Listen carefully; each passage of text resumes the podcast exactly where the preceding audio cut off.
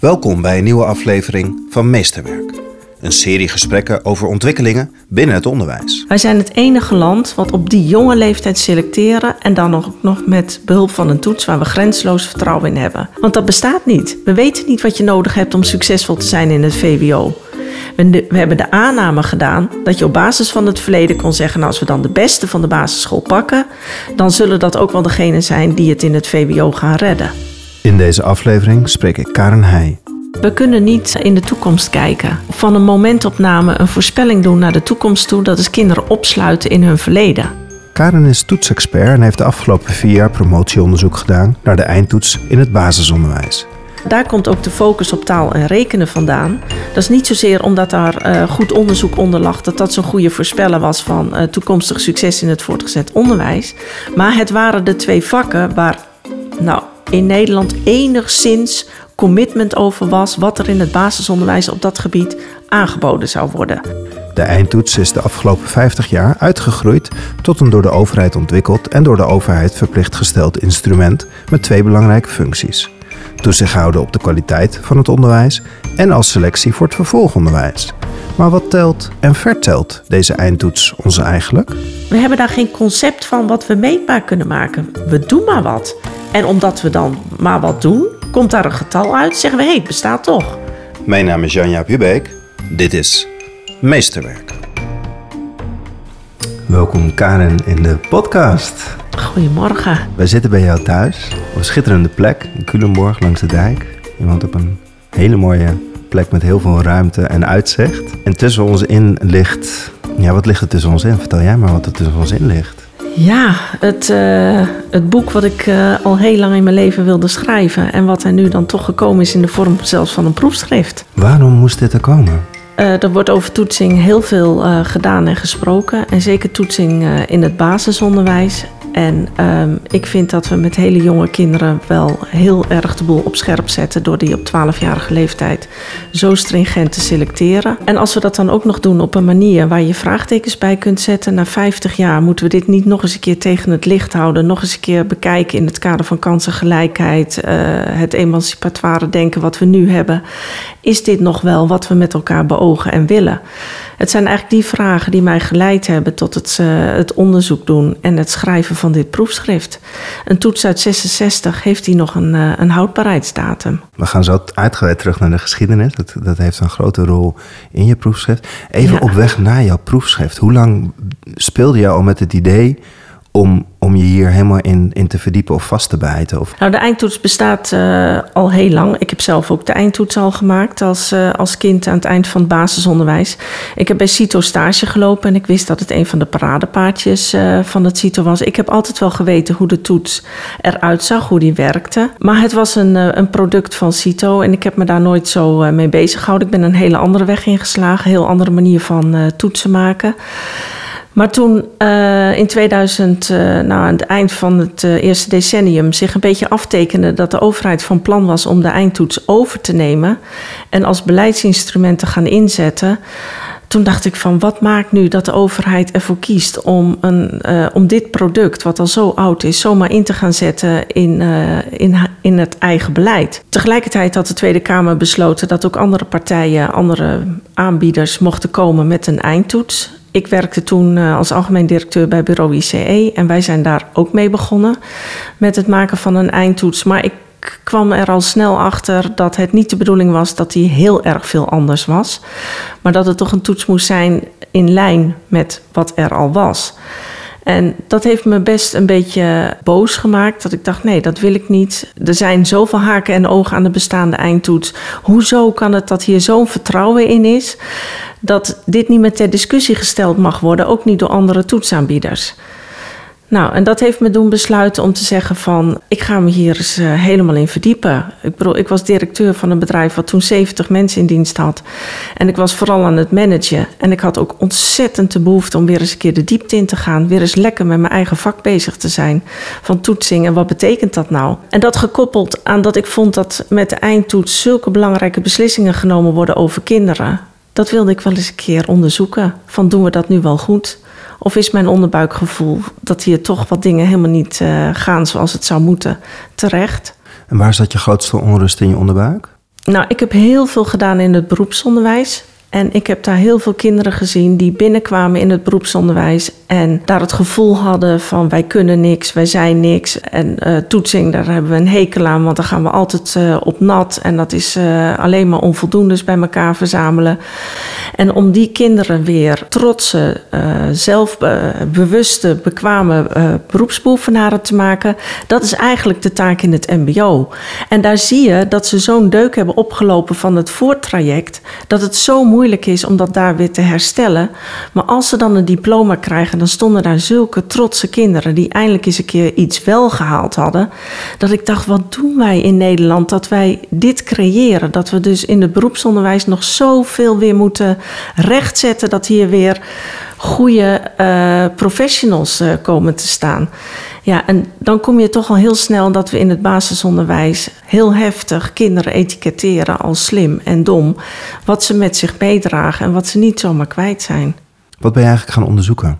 Nou, de eerste vraag die ik eigenlijk had is: wat maakt nu dat Nederland zich zo heeft gefocust op het willen selecteren? Want selectie op 12, 11, 12-jarige leeftijd, dat is voor ons in Nederland zo vanzelfsprekend. Maar in de westerse wereld is dat het helemaal niet. Wij zijn het enige land wat op die jonge leeftijd selecteren en dan nog, nog met behulp van een toets waar we grenzeloos vertrouwen in hebben. Dus mijn eerste vraag zat hem eigenlijk van hoe kan dat? Waar komt dat vertrouwen vandaan en waar komt die behoefte vandaan om te willen selecteren? En eigenlijk wel tot mijn eigen verbazing kon ik helemaal terug tot uh, het het eind van de 19e eeuw. Want daar is het allemaal al begonnen. Het standenonderwijs en het, willen selecteren van uh, degenen die daar succesvol in waren. We hebben in Nederland heel lang een focus gehad op uitval. Er was ook een hoge uitval. Kinderen die begonnen gewoon weer te werken. Dus die zaten wel in het voortgezet onderwijs, maar die begonnen te werken. Dus de uitval is heel lang heel hoog geweest. En dat heeft gemaakt dat in Nederland daar heel veel zorgen over zijn geweest. En in Nederland is de focus komen te liggen op het zoeken naar een uh, doeltreffende selectieprocedure. Er zijn andere uh, landen. dat begon al eind van de 19e eeuw? Nee, dat was wel eh, begin 20e eeuw dat, uh, dat daar de zoektocht naar was. Met name in de jaren 20 is daar veel discussie over geweest. Van hoe kunnen we nou beter selecteren? Uh, er waren de pedagogen die zeiden eigenlijk van we moeten niet beter willen selecteren. We moeten zorgen dat kinderen zich beter thuis voelen in het onderwijs. We moeten wat doen aan het onderwijs. En er waren mensen die zeiden nee, we moeten beter selecteren.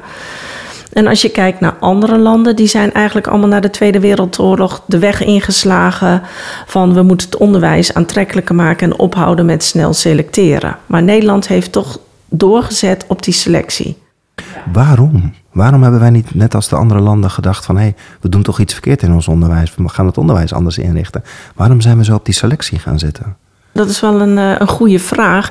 Wat ik er een beetje uit heb weten te halen uh, bij het bestuderen van de, van de historie, is dat wij ook altijd nogal gefocust zijn geweest op rendement. Hebben gewild dat we wel onderwijs aanboden, maar het moest wel een beetje wat opbrengen. Dus wij hebben ontzettend gezeten in het zoeken naar de balans van toelaten, maar het moest ook wel waard zijn. En waard in termen van, uh, ja, gaat je diploma wel halen? Want uitval werd gezien als, uh, als geldverkwisting. Ja, en ik denk dat daar toch een beetje de Nederlandse cultuur uh, ons part heeft gespeeld. Dat we heel erg op die manier zijn gaan kijken van wat maakt het efficiënt? Hoe kunnen we zorgen dat we voldoende arbeidspotentieel hebben? Met name na de Tweede Wereldoorlog, de opbouw van de verzorgingsstaat is heel erg gekeken um, van hoeveel uh, mensen hebben we daar nodig, hoeveel mensen van dat niveau, hoeveel mensen van dat niveau. En het, het moest een beetje zorgen dat wij voldoende arbeidspotentieel hadden en niet te veel van het ene en niet te weinig van het ander. We moesten van alles smaken wat hebben. Ja. In de jaren 60 is, de, is die eindtoets uh, opgekomen. Op weg daar naartoe is dit de aanleiding geweest dat we op weg zijn gegaan naar die eindtoets in het basisonderwijs? Nou, er was al een flinke selectie, want we hebben in Nederland al vanaf het begin van de vorige eeuw uh, een discussie gehad wie mag er nou selecteren. Mag nou het voortgezet onderwijs zijn eigen leerlingen selecteren? Of moet het aan het hoofd van de lagere school zijn om een goed advies te geven over wie het zou kunnen en wie het niet zou kunnen? Nou, dat is een soort gepingpong geweest, uh, een hele tijd. En in 1965 is er een, een koninklijk besluit gekomen. In, in dat koninklijk besluit is gezegd van het moet de lagere school zijn Maar de lagere school mag dat niet uh, zomaar uit zijn duim zuigen. Er moet wel iets bij op basis waarvan de lagere school dat advies geeft. En een van de varianten was een uh, psychologische test. Andere was uh, kijken naar wat heeft het onderwijs opgeleverd.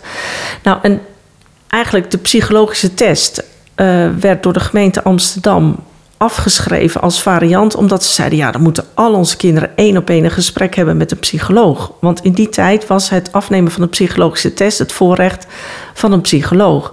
Nou, dat zou zo uit de, uit de hand gaan lopen qua kosten, qua tijd. Dat werd als ondoenlijk uh, beschouwd. Het mocht ook nog dat het voortgezet onderwijs een toets uh, aanleverde die de kinderen moesten maken. Maar daar wilde de gemeente Amsterdam ook niet van weten. En toen kwam eigenlijk Adriaan de Groot met de oplossing: als we nou eens een toets gaan maken waarin we uh, gaan kijken wat het kind geleerd heeft op de basisschool. Een schoolvorderingentoets noemde hij dat. En laten we dat dan eens gaan uh, uitproberen en op basis daarvan kijken of we kunnen selecteren wie er naar het VHMO, want daar was de selectie primair op gericht, zorgen wij dat wij voor de beste vorm van onderwijs of de hoogste vorm van onderwijs ook inderdaad de beste leerlingen weten te selecteren. Hoe heb je dit allemaal onderzocht? Ja, heel veel bronnenmateriaal, dus heel veel terug naar de oorspronkelijke bronnen. Dus uh, ik heb ook in het gemeentearchief van de gemeente Amsterdam uh, een hele tijd zitten graven. Van wat zijn nu de stukken geweest die over en weer zijn gegaan. En ik heb gesprekken gevoerd met mensen, ook nog met mensen die er destijds aan gewerkt hebben. Dus het is een, ja, een beetje zoeken naar, naar je informatie en het ophalen daar waar je het kan vinden. Dus inderdaad, de primaire bronnen. Maar het is een ontzettend leuke fase geweest. Juist dat historische bronnenonderzoek vond ik wel heel leuk om te doen. E, even naar het eind, want je begon met een paar vragen. En als je nu een, in een notendop zou vertellen de, de conclusie van je verhaal. Ja, ik begon met uh, dat ik uh, eerst eens uh, voor mezelf de vraag wilde beantwoorden: waar komt nu toch die behoefte aan selectie vandaan? Uh, maar ik heb uh, daarbij wel gezien dat er ook andere factoren een hele belangrijke rol hebben gespeeld. Dus uh, mijn proefschrift laat zich ook meer lezen als van wat zijn nu verschillende invalshoeken die mede hebben bepaald dat wij op deze manier zijn gaan denken. Dus het is niet alleen de historische zoektocht, maar ook van wat is er in, uh, in de samenleving gebeurd, wat is er op politiek gebeurd, wat is er op beleidsniveau gebeurd. Vanuit verschillende invalshoeken ben ik gaan kijken van hoe is de tijdgeest geweest, wat heeft bepaald gewerkt en wat heeft dus stimulerend gewerkt om een toets die uit in 66 is ontwikkeld, steeds maar weer in de lift te kunnen houden. En dat zijn uh, vanaf 66 steeds andere impulsen geweest die toch hebben gezorgd dat het geloof in, in het instrument er bleef. En als je daar nu op terugkijkt, waarom? Ja, dat was eigenlijk mijn startvraag. Waarom? Kan je hem beantwoorden of niet? Is het te complex? Het is wel complex, want één verklaring is er niet. Het is een, een, een hoeveelheid van verklaringen die dit samen uh, veroorzaken. Het is het, het, het willen uh, investeren in dat wat ook gaat renderen. Maar er is ook uh, kwaliteitsbewaking bijgekomen. Dus de zorg om de kwaliteit van onderwijs, die zich moest vertalen in het uh, monitoren op basis van uh, opbrengsten. Kijk, eerst was er het selectievraagstuk met de eerste versie van de eindtoets. Maar later is daar die zoektocht naar kwaliteit van onderwijs aan die toets vastgeplakt. En dat heeft hem weer in de lift gezet. Want daarmee kon gekeken worden wat is nu het rendement van op onderwijs. Dat kan eigenlijk helemaal niet met een toets, met een uh, meting waarbij je kinderen met elkaar wil vergelijken. Want um, zeg maar voor selectie is het belangrijk dat je de beste eruit weet te filteren. Maar voor uh, kwaliteitsbeoordeling zou je eigenlijk willen dat uh, je kan kijken wat kan het onderwijs met de kinderen wel realiseren. Dus dan zou het mogen dat kinderen alle vragen allemaal goed doen. Want dat zou betekenen dat ze alles wat wij ze willen onderwijzen allemaal kunnen.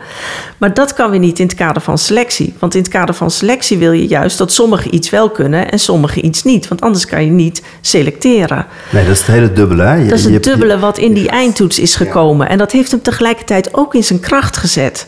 Want er was ontzettend veel behoefte in de jaren, met name de jaren negentig, om te gaan sturen op uh, onderwijskwaliteit op basis van output. Dat was niet in onderwijs, dat was in de hele breedte van de politiek. Er werd gezocht naar indicatoren op basis waarvan je, waarvan je kon sturen op kwaliteit. En in onderwijs is toen ook gekeken en toen hebben mensen gedacht van, uh, oh, dan kun je ook wel kijken naar opbrengsten. Nou, dat is een, gedachte die, uh, waar heel veel mensen ook in die tijd wel van gezegd hebben van dat kan helemaal niet van, uh, in onderwijs. En zelfs Idenburg heeft dat al in de jaren zestig gezegd van onderwijs kun je geen balans opmaken. Maar dat is toch wel wat we met elkaar wel wilden. Er moest aangetoond worden dat onderwijs ook opbrengsten had. Hebben we dan eigenlijk in de maatschappij of in het beleid gewoon die CITO-toets of die eindtoets misbruikt? Hè? Twee dingen. Eén is een selectiemiddel voor het vervolgonderwijs. Wat is jouw advies? En het tweede deel is we gaan scholen met elkaar vergelijken als het over kwaliteit gaat. Hebben we dat gewoon oneigenlijk gedaan? Ja, het is wel vanaf het begin af aan is het al een beetje ambigu geweest in de toets zelf. En de groot bij de eerste versie van uh, het kan eigenlijk niet, maar het moet wel. Dus die uh, wilde eigenlijk heel graag een toets om te kijken naar de kwaliteit van onderwijs. Van wat doen we nou eigenlijk in het onderwijs? Maar dat selectie, uh, die selectiefunctie was uitgangspunt voor de toets en uitgangspunt van het koninklijk besluit. Dus hij heeft vanaf het begin af aan al geworsteld met die twee doelstellingen. Zijn eigen ambitie om te laten zien waar het onderwijs mee bezig was en de selectiefunctie die vanuit het koninklijk besluit van hem werd uh, geëist. Dus vanaf het allereerste begin heeft die dubbele functie heeft gevrongen. En ik heb dat ook in de stukken van CITO, uh, de handleidingen vanaf het allereerste begin ook weer terug kunnen halen. Dat er ook echt mee geworsteld is van hoe krijgen we die twee dingen met elkaar in lijn. En eigenlijk zijn we op selectie al vrij snel erachter gekomen dat op basis van het verleden kun je helemaal niet zo goed voorspellen. Maar toen zat die toets al heel stevig ook in het zadel voor de kwaliteitsbewaking. Dus het is steeds een wisselwerking geweest van het geloof in het een en het geloof in het ander. En het willen combineren van die twee functies in die ene toets, die hem zo ook krachtig heeft gemaakt. En als kwaliteitsinstrument is hij dus ook met allemaal beleid verweven geraakt. En als derde element heb ik daar ook nog uh, als verklaring aan toe weten te voegen dat ook de de wetenschap een rol heeft gespeeld. Want met name in de onderwijssociologie, de onderwijskunde, is heel veel gebruik gemaakt van de uitkomsten van de toets om daarmee allerlei be, uh, beleidsdingen te kunnen vergelijken. Of ingrepen in didactiek. Als we nou dit doen in de klas, levert dat betere resultaten op. hey, betere resultaten, hoe kunnen we dat meten? Oh, daar hebben we nog een toets voor. Er is ook door de wetenschap heel erg gestimuleerd dat die toets uh, waarde bleef houden. Even terug naar Adriaan de Groot. Wat was zijn uh, intentie met het maken van die, van die toets? Wat wilde hij meten? Nou, hij had een boekje geschreven, Vijven en Zessen. Wat in 65 verschenen is. En daarbij zei hij eigenlijk, er was een hele belangrijke aanklacht in dat boekje. Van het is toch schandalig dat we niet weten uh, wat de doelstellingen zijn van onderwijs. Nou, daar wond hij zich mateloos over op. En ook dat je dat wel ging meten, maar je wist niet waar, waartoe. Dus hij zei, er moeten doelstellingen komen voor onderwijs. Want anders kan je helemaal niet uh, meten en kan je ook helemaal niet weten waar je nou eigenlijk mee bezig bent. Dat gold ook voor het basisonderwijs. En hij dacht uh, van als er dan geen doelstellingen zijn en niemand ziet het nutten van in om doelstellingen te creëren of op te stellen. Weet je wat ik dan ga doen? Dan ga ik gewoon uh, meten. En dan kan ik ook vaststellen wat er wel en niet gebeurt in het onderwijs. En dan gaan we daarna wel een discussie hebben over wat is nou echt belangrijk om in het onderwijs te hebben. Maar die doelstellingendiscussie is nooit op gang gekomen en het meten is er wel gebleven. Hoe kunnen we nou iets meten terwijl we niet weten waar we naartoe gaan? Ja, dus we hebben het eigenlijk aan de toetsenmaker overgelaten om een soort uh, educated guess te doen van wat zou er nou toe doen. En uh, ze hebben dat ook gedaan, want da daar komt ook de focus op taal en rekenen vandaan. Dat is niet zozeer omdat daar uh, goed onderzoek onder lag, dat dat zo'n goede voorspeller was van uh, toekomstig succes in het voortgezet onderwijs. Maar het waren de twee vakken waar nou, in Nederland enigszins commitment over was wat er in het basisonderwijs op dat gebied aangeboden zou worden. En hij had het dan ook over de communale doelstellingen. De doelstellingen waarvan hij dacht, daar zijn ze het ongeveer in Nederland wel een beetje over eens. Laten we eens kijken hoe goed leerlingen dat kunnen. En zo is dus taal en rekenen in die toets gekomen. En voor taal is dat dan weer beperkt door dat wat met de meerkeuzevraag gemeten kon worden. Want dat was wel wat hij ook heel graag wilde in die eerste toets. Laten zien dat je met computertechnieken, nou dat was in die tijd natuurlijk zeer revolutionair, dat je antwoordbladen, ponskaarten kon invoeren in de computer en er kwam wat uit. Maar dan had je wel meer keuzevragen nodig. Dus vandaar dat taal ook beperkt is tot datgene wat met de meerkeuzevraag gemeten kon worden. Ja, dus we meten eigenlijk maar een heel klein stukje. Heel eigenlijk. klein stukje. En we geven er enorme gevolgen aan. Ja, want we zijn van een, een ruwe score op een serie opgaven eh, voor eh, lezen, spelling, grammatica en rekenen. Eh, die, die, die ruwe score zijn we bij elkaar gaan optellen. En op basis daarvan zijn we leerlingen gaan Maar dat is geen geschiktheidsoordeel en geen matching met een profiel wat je nou nodig zou hebben voor eh, specifiek het, eh, het VWO. Want dat bestaat niet. We weten niet wat je nodig hebt om succesvol te zijn in het VWO. We hebben de aanname gedaan dat je op basis van het verleden kon zeggen: nou, als we dan de beste van de basisschool pakken, dan zullen dat ook wel degenen zijn die het in het VWO gaan redden. Ja, want wat meten we eigenlijk nu met onze eindtoets? Nog steeds alleen maar taal en rekenen en dan de taal zodanig geoperationaliseerd dat dat met meer keuzevragen te meten valt. En als je kijkt naar eh, de volle breedte van het curriculum, zoals dat voorgeschreven is voor het basisonderwijs, dan praten we over een heel klein stukje van het curriculum wat afgedekt wordt met de eindtoets. Nou komt daar een cijfer uit, Een getal, een getal. ja. Wat zegt dat getal? Ja, je moet je eigenlijk voorstellen dat eh, als je werkt met ruwe scores, dan kan het elk jaar verschillen hoe, eh, wat de hoogste scoorders aan ruwe scoren hebben. Want het ene jaar zijn de opgaven wat moeilijker dan de andere. Maar je wil elke keer eh, toch de 20% beste selecteren. Je wil het gemiddelde bepalen. Ehm, en wat eh, CITO toen eh, bedacht heeft, en dat was een heel, is, een hele gebruikelijke procedure in de toetswereld, is dat je het gaat overzetten op een schaal die je jaarlijks constant kan houden. Want dan hoef je niet elk jaar uit te leggen dat je eh, dit jaar met een score van 169 eh, punten wel naar het VWO mag en volgend jaar niet. Want dat geeft verwarring. Dus als je het overzet op één en dezelfde schaal die je jaarlijks hetzelfde houdt, dan is dat voor mensen iets makkelijker te accepteren. En er is gekozen voor een schaal van 501 tot 550 om iedere verwarring met schoolcijfers te voorkomen. Je had ook iets anders kunnen kiezen. Ja, Alles van had 0 tot gekund. 10. Hè? En Ja. ook geen verwarring met het IQ, hè? dus daar lijkt het ook niet op. Nee, dus het- er is gewoon een andere schaal gekozen. Een hele gebruikelijke manier van doen. En de gemiddelde score op die ruwe scores wordt elk jaar vastgezet op het punt van 5,35. Dus elk jaar is de gemiddelde score 5,35. Dit weet ik, maar persoonlijk vond ik het wel grappig om dan in een beleidsnota te lezen of in ministeriële stukken van de gemiddelde score moet omhoog van 5,35 naar 5,38. Ja, dat kan niet. Dan moet je dus de hele systematiek van de toets aanpassen. Maar er zijn ook gemeentes die hebben gezegd: we gaan sturen op een verhoging van onze gemiddelde scores. Maar dit zijn dus allemaal eigenlijk wel tragische trajecten, want ze zijn gedoemd om te mislukken vanwege de psychometrie die erachter zit. Je, je, je had een heel mooi voorbeeld uit de Antillen. Ja. Waarin er per, per jaar, ik geloof, 20 plekken op het VWO waren. En daar wordt dan meer. echt, of ietsje meer, maar daar wordt dan echt op die stoeltjes werd er geselecteerd. Ja, het was ook heel interessant voor mij eh, om eh, daarachter te komen. Daar hebben ze gewoon een bepaald aantal plekken. Maar het is eigenlijk niet anders dan in Nederland. Eh, ze hebben een bepaald aantal plekken voor het VWO en HAVO samen. En dat vond ik ook nog wel eh, bijzonder. Daar is het voor HAVO en VWO samen. Nou, het is nu opgetrokken naar 25 procent. Het was altijd eh 20 procent. En in Nederland ligt dat percentage op 50. Kijk, het kan niet waar zijn dat de gemiddelde IQ daar anders ligt dan hier. Hè? Dat, dat zou je niet mogen verwachten. Maar het heeft echt te maken met het aantal beschikbare plekken. En dat is in Nederland ook zo. 50% hebben we nodig voor onze beroepsbevolking om op MBO-niveau opgeleid te zijn. Dus zo kan je dat sturen. Ja, dus eigenlijk hebben we gewoon een, een shoebak bedacht. Zoveel procent zitten daar, zoveel procent zitten daar. En zoveel procent zitten, zitten daar. En daar noemen we een toets op. En dan op basis van die uitslag van die toets... kom jij in dat gleufje van die shoebak. Ja, het is een gesofisticeerde manier van, eh, van managen van aantallen en verdelen. Ja.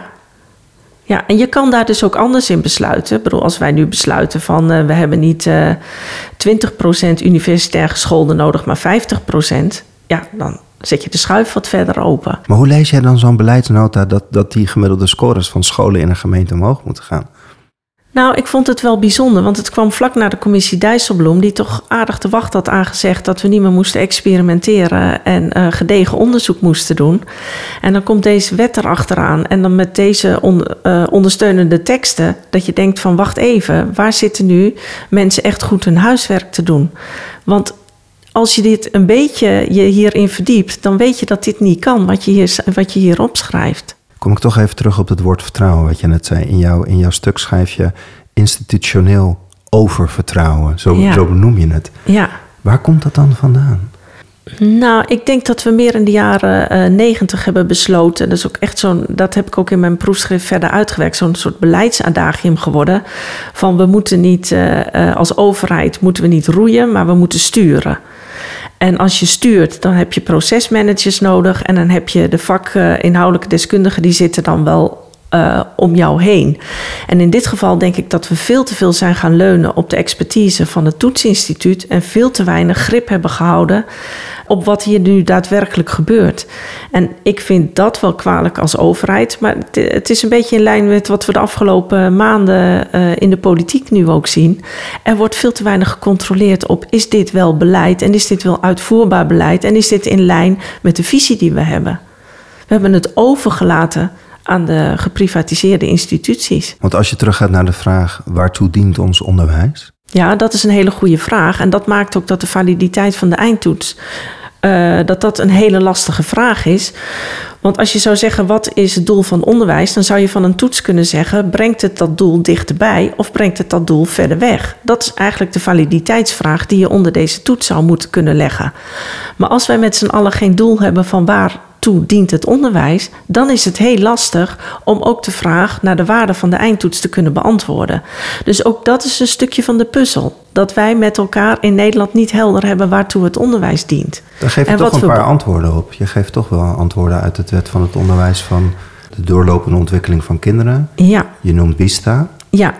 Nou, Bista eh, heeft met zijn drieslag aardig wat eh, weten te bereiken. In de zin van dat we daar met z'n allen eh, wel waarde aan zijn gaan toekennen. Dat we op eh, die drieslag moeten denken. Maar het is officieel niet verankerd in het onderwijsbeleid. Nee. Als je kijkt naar de drieslag, dan zou je gelijk al kunnen zeggen: maar wacht even. Die drieslag, daar wordt maar één heel klein stukje, namelijk het kwalificerende eh, aspect. Dat wordt voor een heel klein stukje gedekt met de eindtoets. Maar wat is de eindtoets dan? Is het nou een, de stand opmaken van het basisonderwijs of is het nou een selectieinstrument? Want als je weer kijkt naar het selectieinstrument, hoe verhoudt het willen selecteren op zo'n jonge leeftijd zich toch tot de ambitie van het moet een doorlopende leerweg zijn voor kinderen? Maar om nou de balans op te maken op maar een heel klein stukje van het kwalificeren, dat vind ik ook weer het andere uiterste. Wat ik dan wonderlijk vond, is, is dat het eigenlijk geen voorspellende waarde heeft. Nee, we kunnen niet eh, in de toekomst kijken. En van een momentopname een voorspelling doen naar de toekomst toe, dat is kinderen opsluiten in hun verleden. Dat is mijn eh, stellige overtuiging. We kunnen niet voorspellen. We kunnen geen toekomst voorspellen voor kinderen. We kunnen ze alleen een etiket meegeven waar ze zich naar gaan gedragen.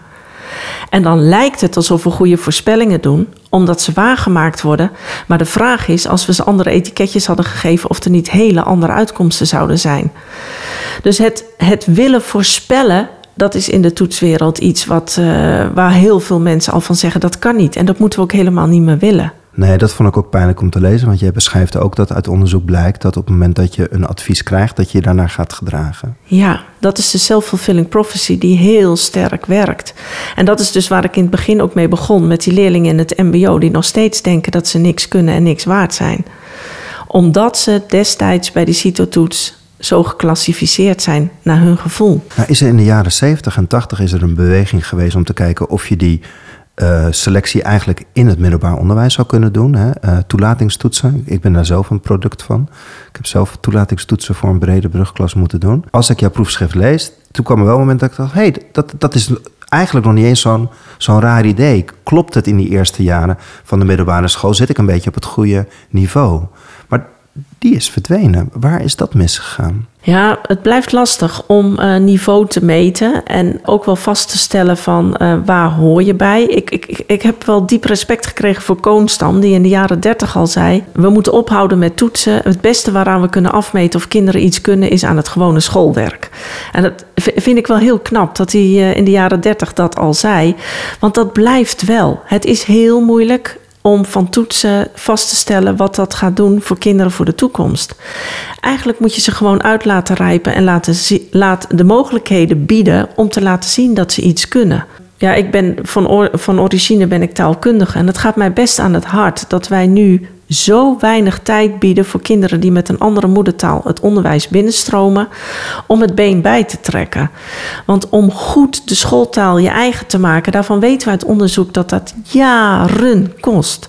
En door ze nu met het leerlingvolgsysteem al vanaf groep 3 op te sluiten in de hokjes van A tot en met E geeft kinderen met een andere, uh, anderstalige achtergrond heel weinig ruimte om het been bij te trekken. Die hebben gewoon meer tijd nodig. En dat is wat ik eigenlijk iedereen zou gunnen. Geef ze meer tijd om uit te kristalliseren waar ze goed in zijn, waar hun kwaliteiten liggen. Want doordat er aan het eind van groep 8 een oordeel moet worden gegeven, zijn leraren ook voortdurend in de stand van we moeten differentiëren, want we moeten kunnen selecteren. En dat gaat al op steeds jongere leeftijd. En ruimte en rust en mogelijkheid om gewoon een beetje te groeien. De een is wat langzamer dan de ander. Maar die ruimte en tijd is er eigenlijk niet meer. Want vanaf groep 6 moeten de resultaten al meewegen in het schooladvies wat de leerkracht geeft. Dan zijn we al aan het voorsorteren. Ja, en voor kinderen die met een andere eh, taalachtergrond binnenkomen, is dat veel en veel te vroeg. Vond ik dat een heel interessant uh, stukje van, jou, van jouw proefschrift. En daar heb ik ook een nieuw woord bij geleerd als je het over, over taal hebt. Kan je dat uitleggen? Je, je omschrijft het als uh, meritocratie. Van je gaat om met, met wat je aangeboden krijgt, hoe je daar vervolgens mee, mee omgaat en wat je daarmee doet in het onderwijs. Nou, meritocratie moet je eigenlijk plaatsen als we gaan belonen wat iemand presteert. Uh, verdiensten, want dat zit in het woord meritocratie. En dat is een soort tegenbeweging tegen de aristocratische uitgangspunten die we in het verleden hadden. En er is natuurlijk heel veel voor te zeggen, vonden wij toen met z'n allen. En ik denk dat dat nu nog breed gedragen wordt, dat niet de wieg mag bepalen waar je terechtkomt. Maar als je meritocratie gaat omarmen, dan is het heel belangrijk dat je gaat nadenken: maar wat zijn dan de criteria op basis waarvan we prestaties gaan belonen? Als je gaat zeggen vervolgens van uh, we gaan prestaties belonen, maar we gaan daar IQ voor als, als belangrijkste component pakken, dus intelligentie en inzet, dan is het maar zeer de vraag in hoeverre intelligentie nou toe te schrijven is aan een individu. Wat is nou de verdienste van een kind van tien als het gaat om zijn intelligentie? Het is nog steeds feitelijk zo dat wij door de, uh, de parameters die we hebben gekozen voor meritocratie, feitelijk de aristocratische uitgangspunten nog steeds hebben. Namelijk waar je wieg staat, bepaalt je kansen in het basisonderwijs. Kan je het nog even in jouw woorden uitleggen hoe, hoe groot die waarde is van waar je wieg staat? Waarom, waarom is dat zo? Nou kijk, wij met het leerlingvolgsysteem, maar überhaupt, wij vergelijken voortdurend de kinderen met elkaar. En als je van een kind op uh, zesjarige leeftijd gaat zeggen dat hij uh, met lezen of met uh, zijn woordenschat nog niet zo ver is als een aantal van zijn klasgenoten, dan is dat een relatieve vaststelling. Maar als dat kind heel hard gaat werken aan zijn woordenschat, dan moet hij zoveel harder werken dan degene die al bovenaan staan. Want die gaan ook niet stilstaan. Als we echt zouden willen dat uh, kinderen kans zouden krijgen, zouden we de rest even moeten parkeren. Maar we, we, laten iedereen vooruit gaan en we blijven relatief meten, omdat we de beste willen selecteren. We hebben niet ergens de meetlat neergelegd en zeggen als je daar overheen gaat, dan kun je dit en dit. Nee, we willen voortdurend de beste 20% of de zwakste 50%. Ja, en de zwakste 50% in scoren op taal en rekenen, waarbij je ook nog moet bedenken dat taal een grote rol speelt bij rekenen, dan krijg je al heel snel dat kinderen die met een andere moedertaal het Nederlandse onderwijs binnenkomen, in grote getalen aangetroffen worden in de VMBO-populatie. Dit is niet iets wat vanzelf ontstaat, dit creëer je op deze manier. Ja, maar sterker nog, door dit zo'n waarde te geven in ons onderwijs, is het gewoon beleid. Dit is beleid. En daarom vind ik het ook zo heftig dat de overheid, die zegt zoveel werk te willen maken voor kansengelijkheid, een toets heeft overgenomen. Uh, die heeft ingezet als een beleidsinstrument met dit als gevolg wat wij doen in onderwijs is feitelijk een competitie hebben we ingebouwd. Ja. Uh, en bij een hardloopwedstrijd kun je een keer verliezen. Maar als er weer een wedstrijd is, kun je weer meedoen, kun je weer winnen. Maar bij onderwijs zijn de gevolgen veel groter. Want uh, de wedstrijd eindigt op 12-jarige leeftijd. Maar daarmee zit je vervolgens in een bakje waar je niet zo goed meer uitkomt.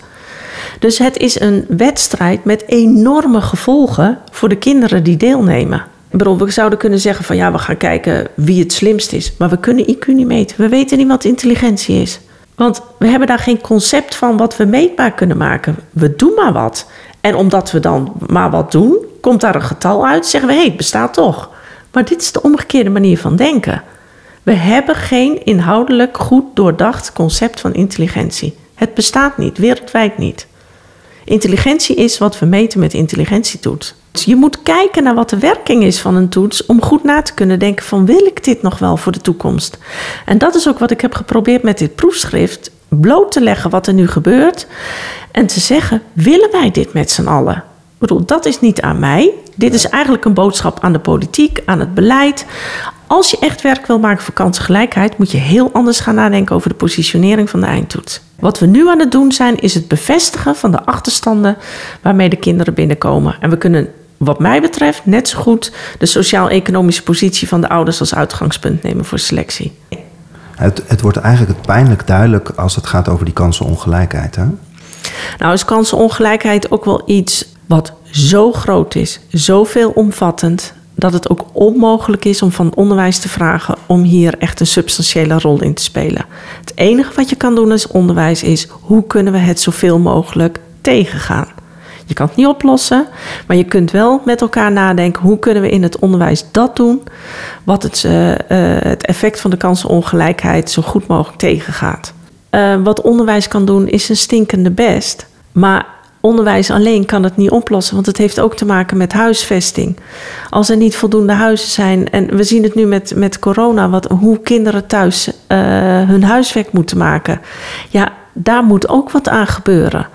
En als het gaat over uh, het verschil in verdienen, dan is dat ook heel bepalend voor wat uh, voor kinderen kan. Ik bedoel, kinderen die nu niet mee kunnen, maar waarvan de ouders heel veel geld verdienen, die worden allemaal op de, de bijlesgeneratie waar Louise Elvers het over heeft.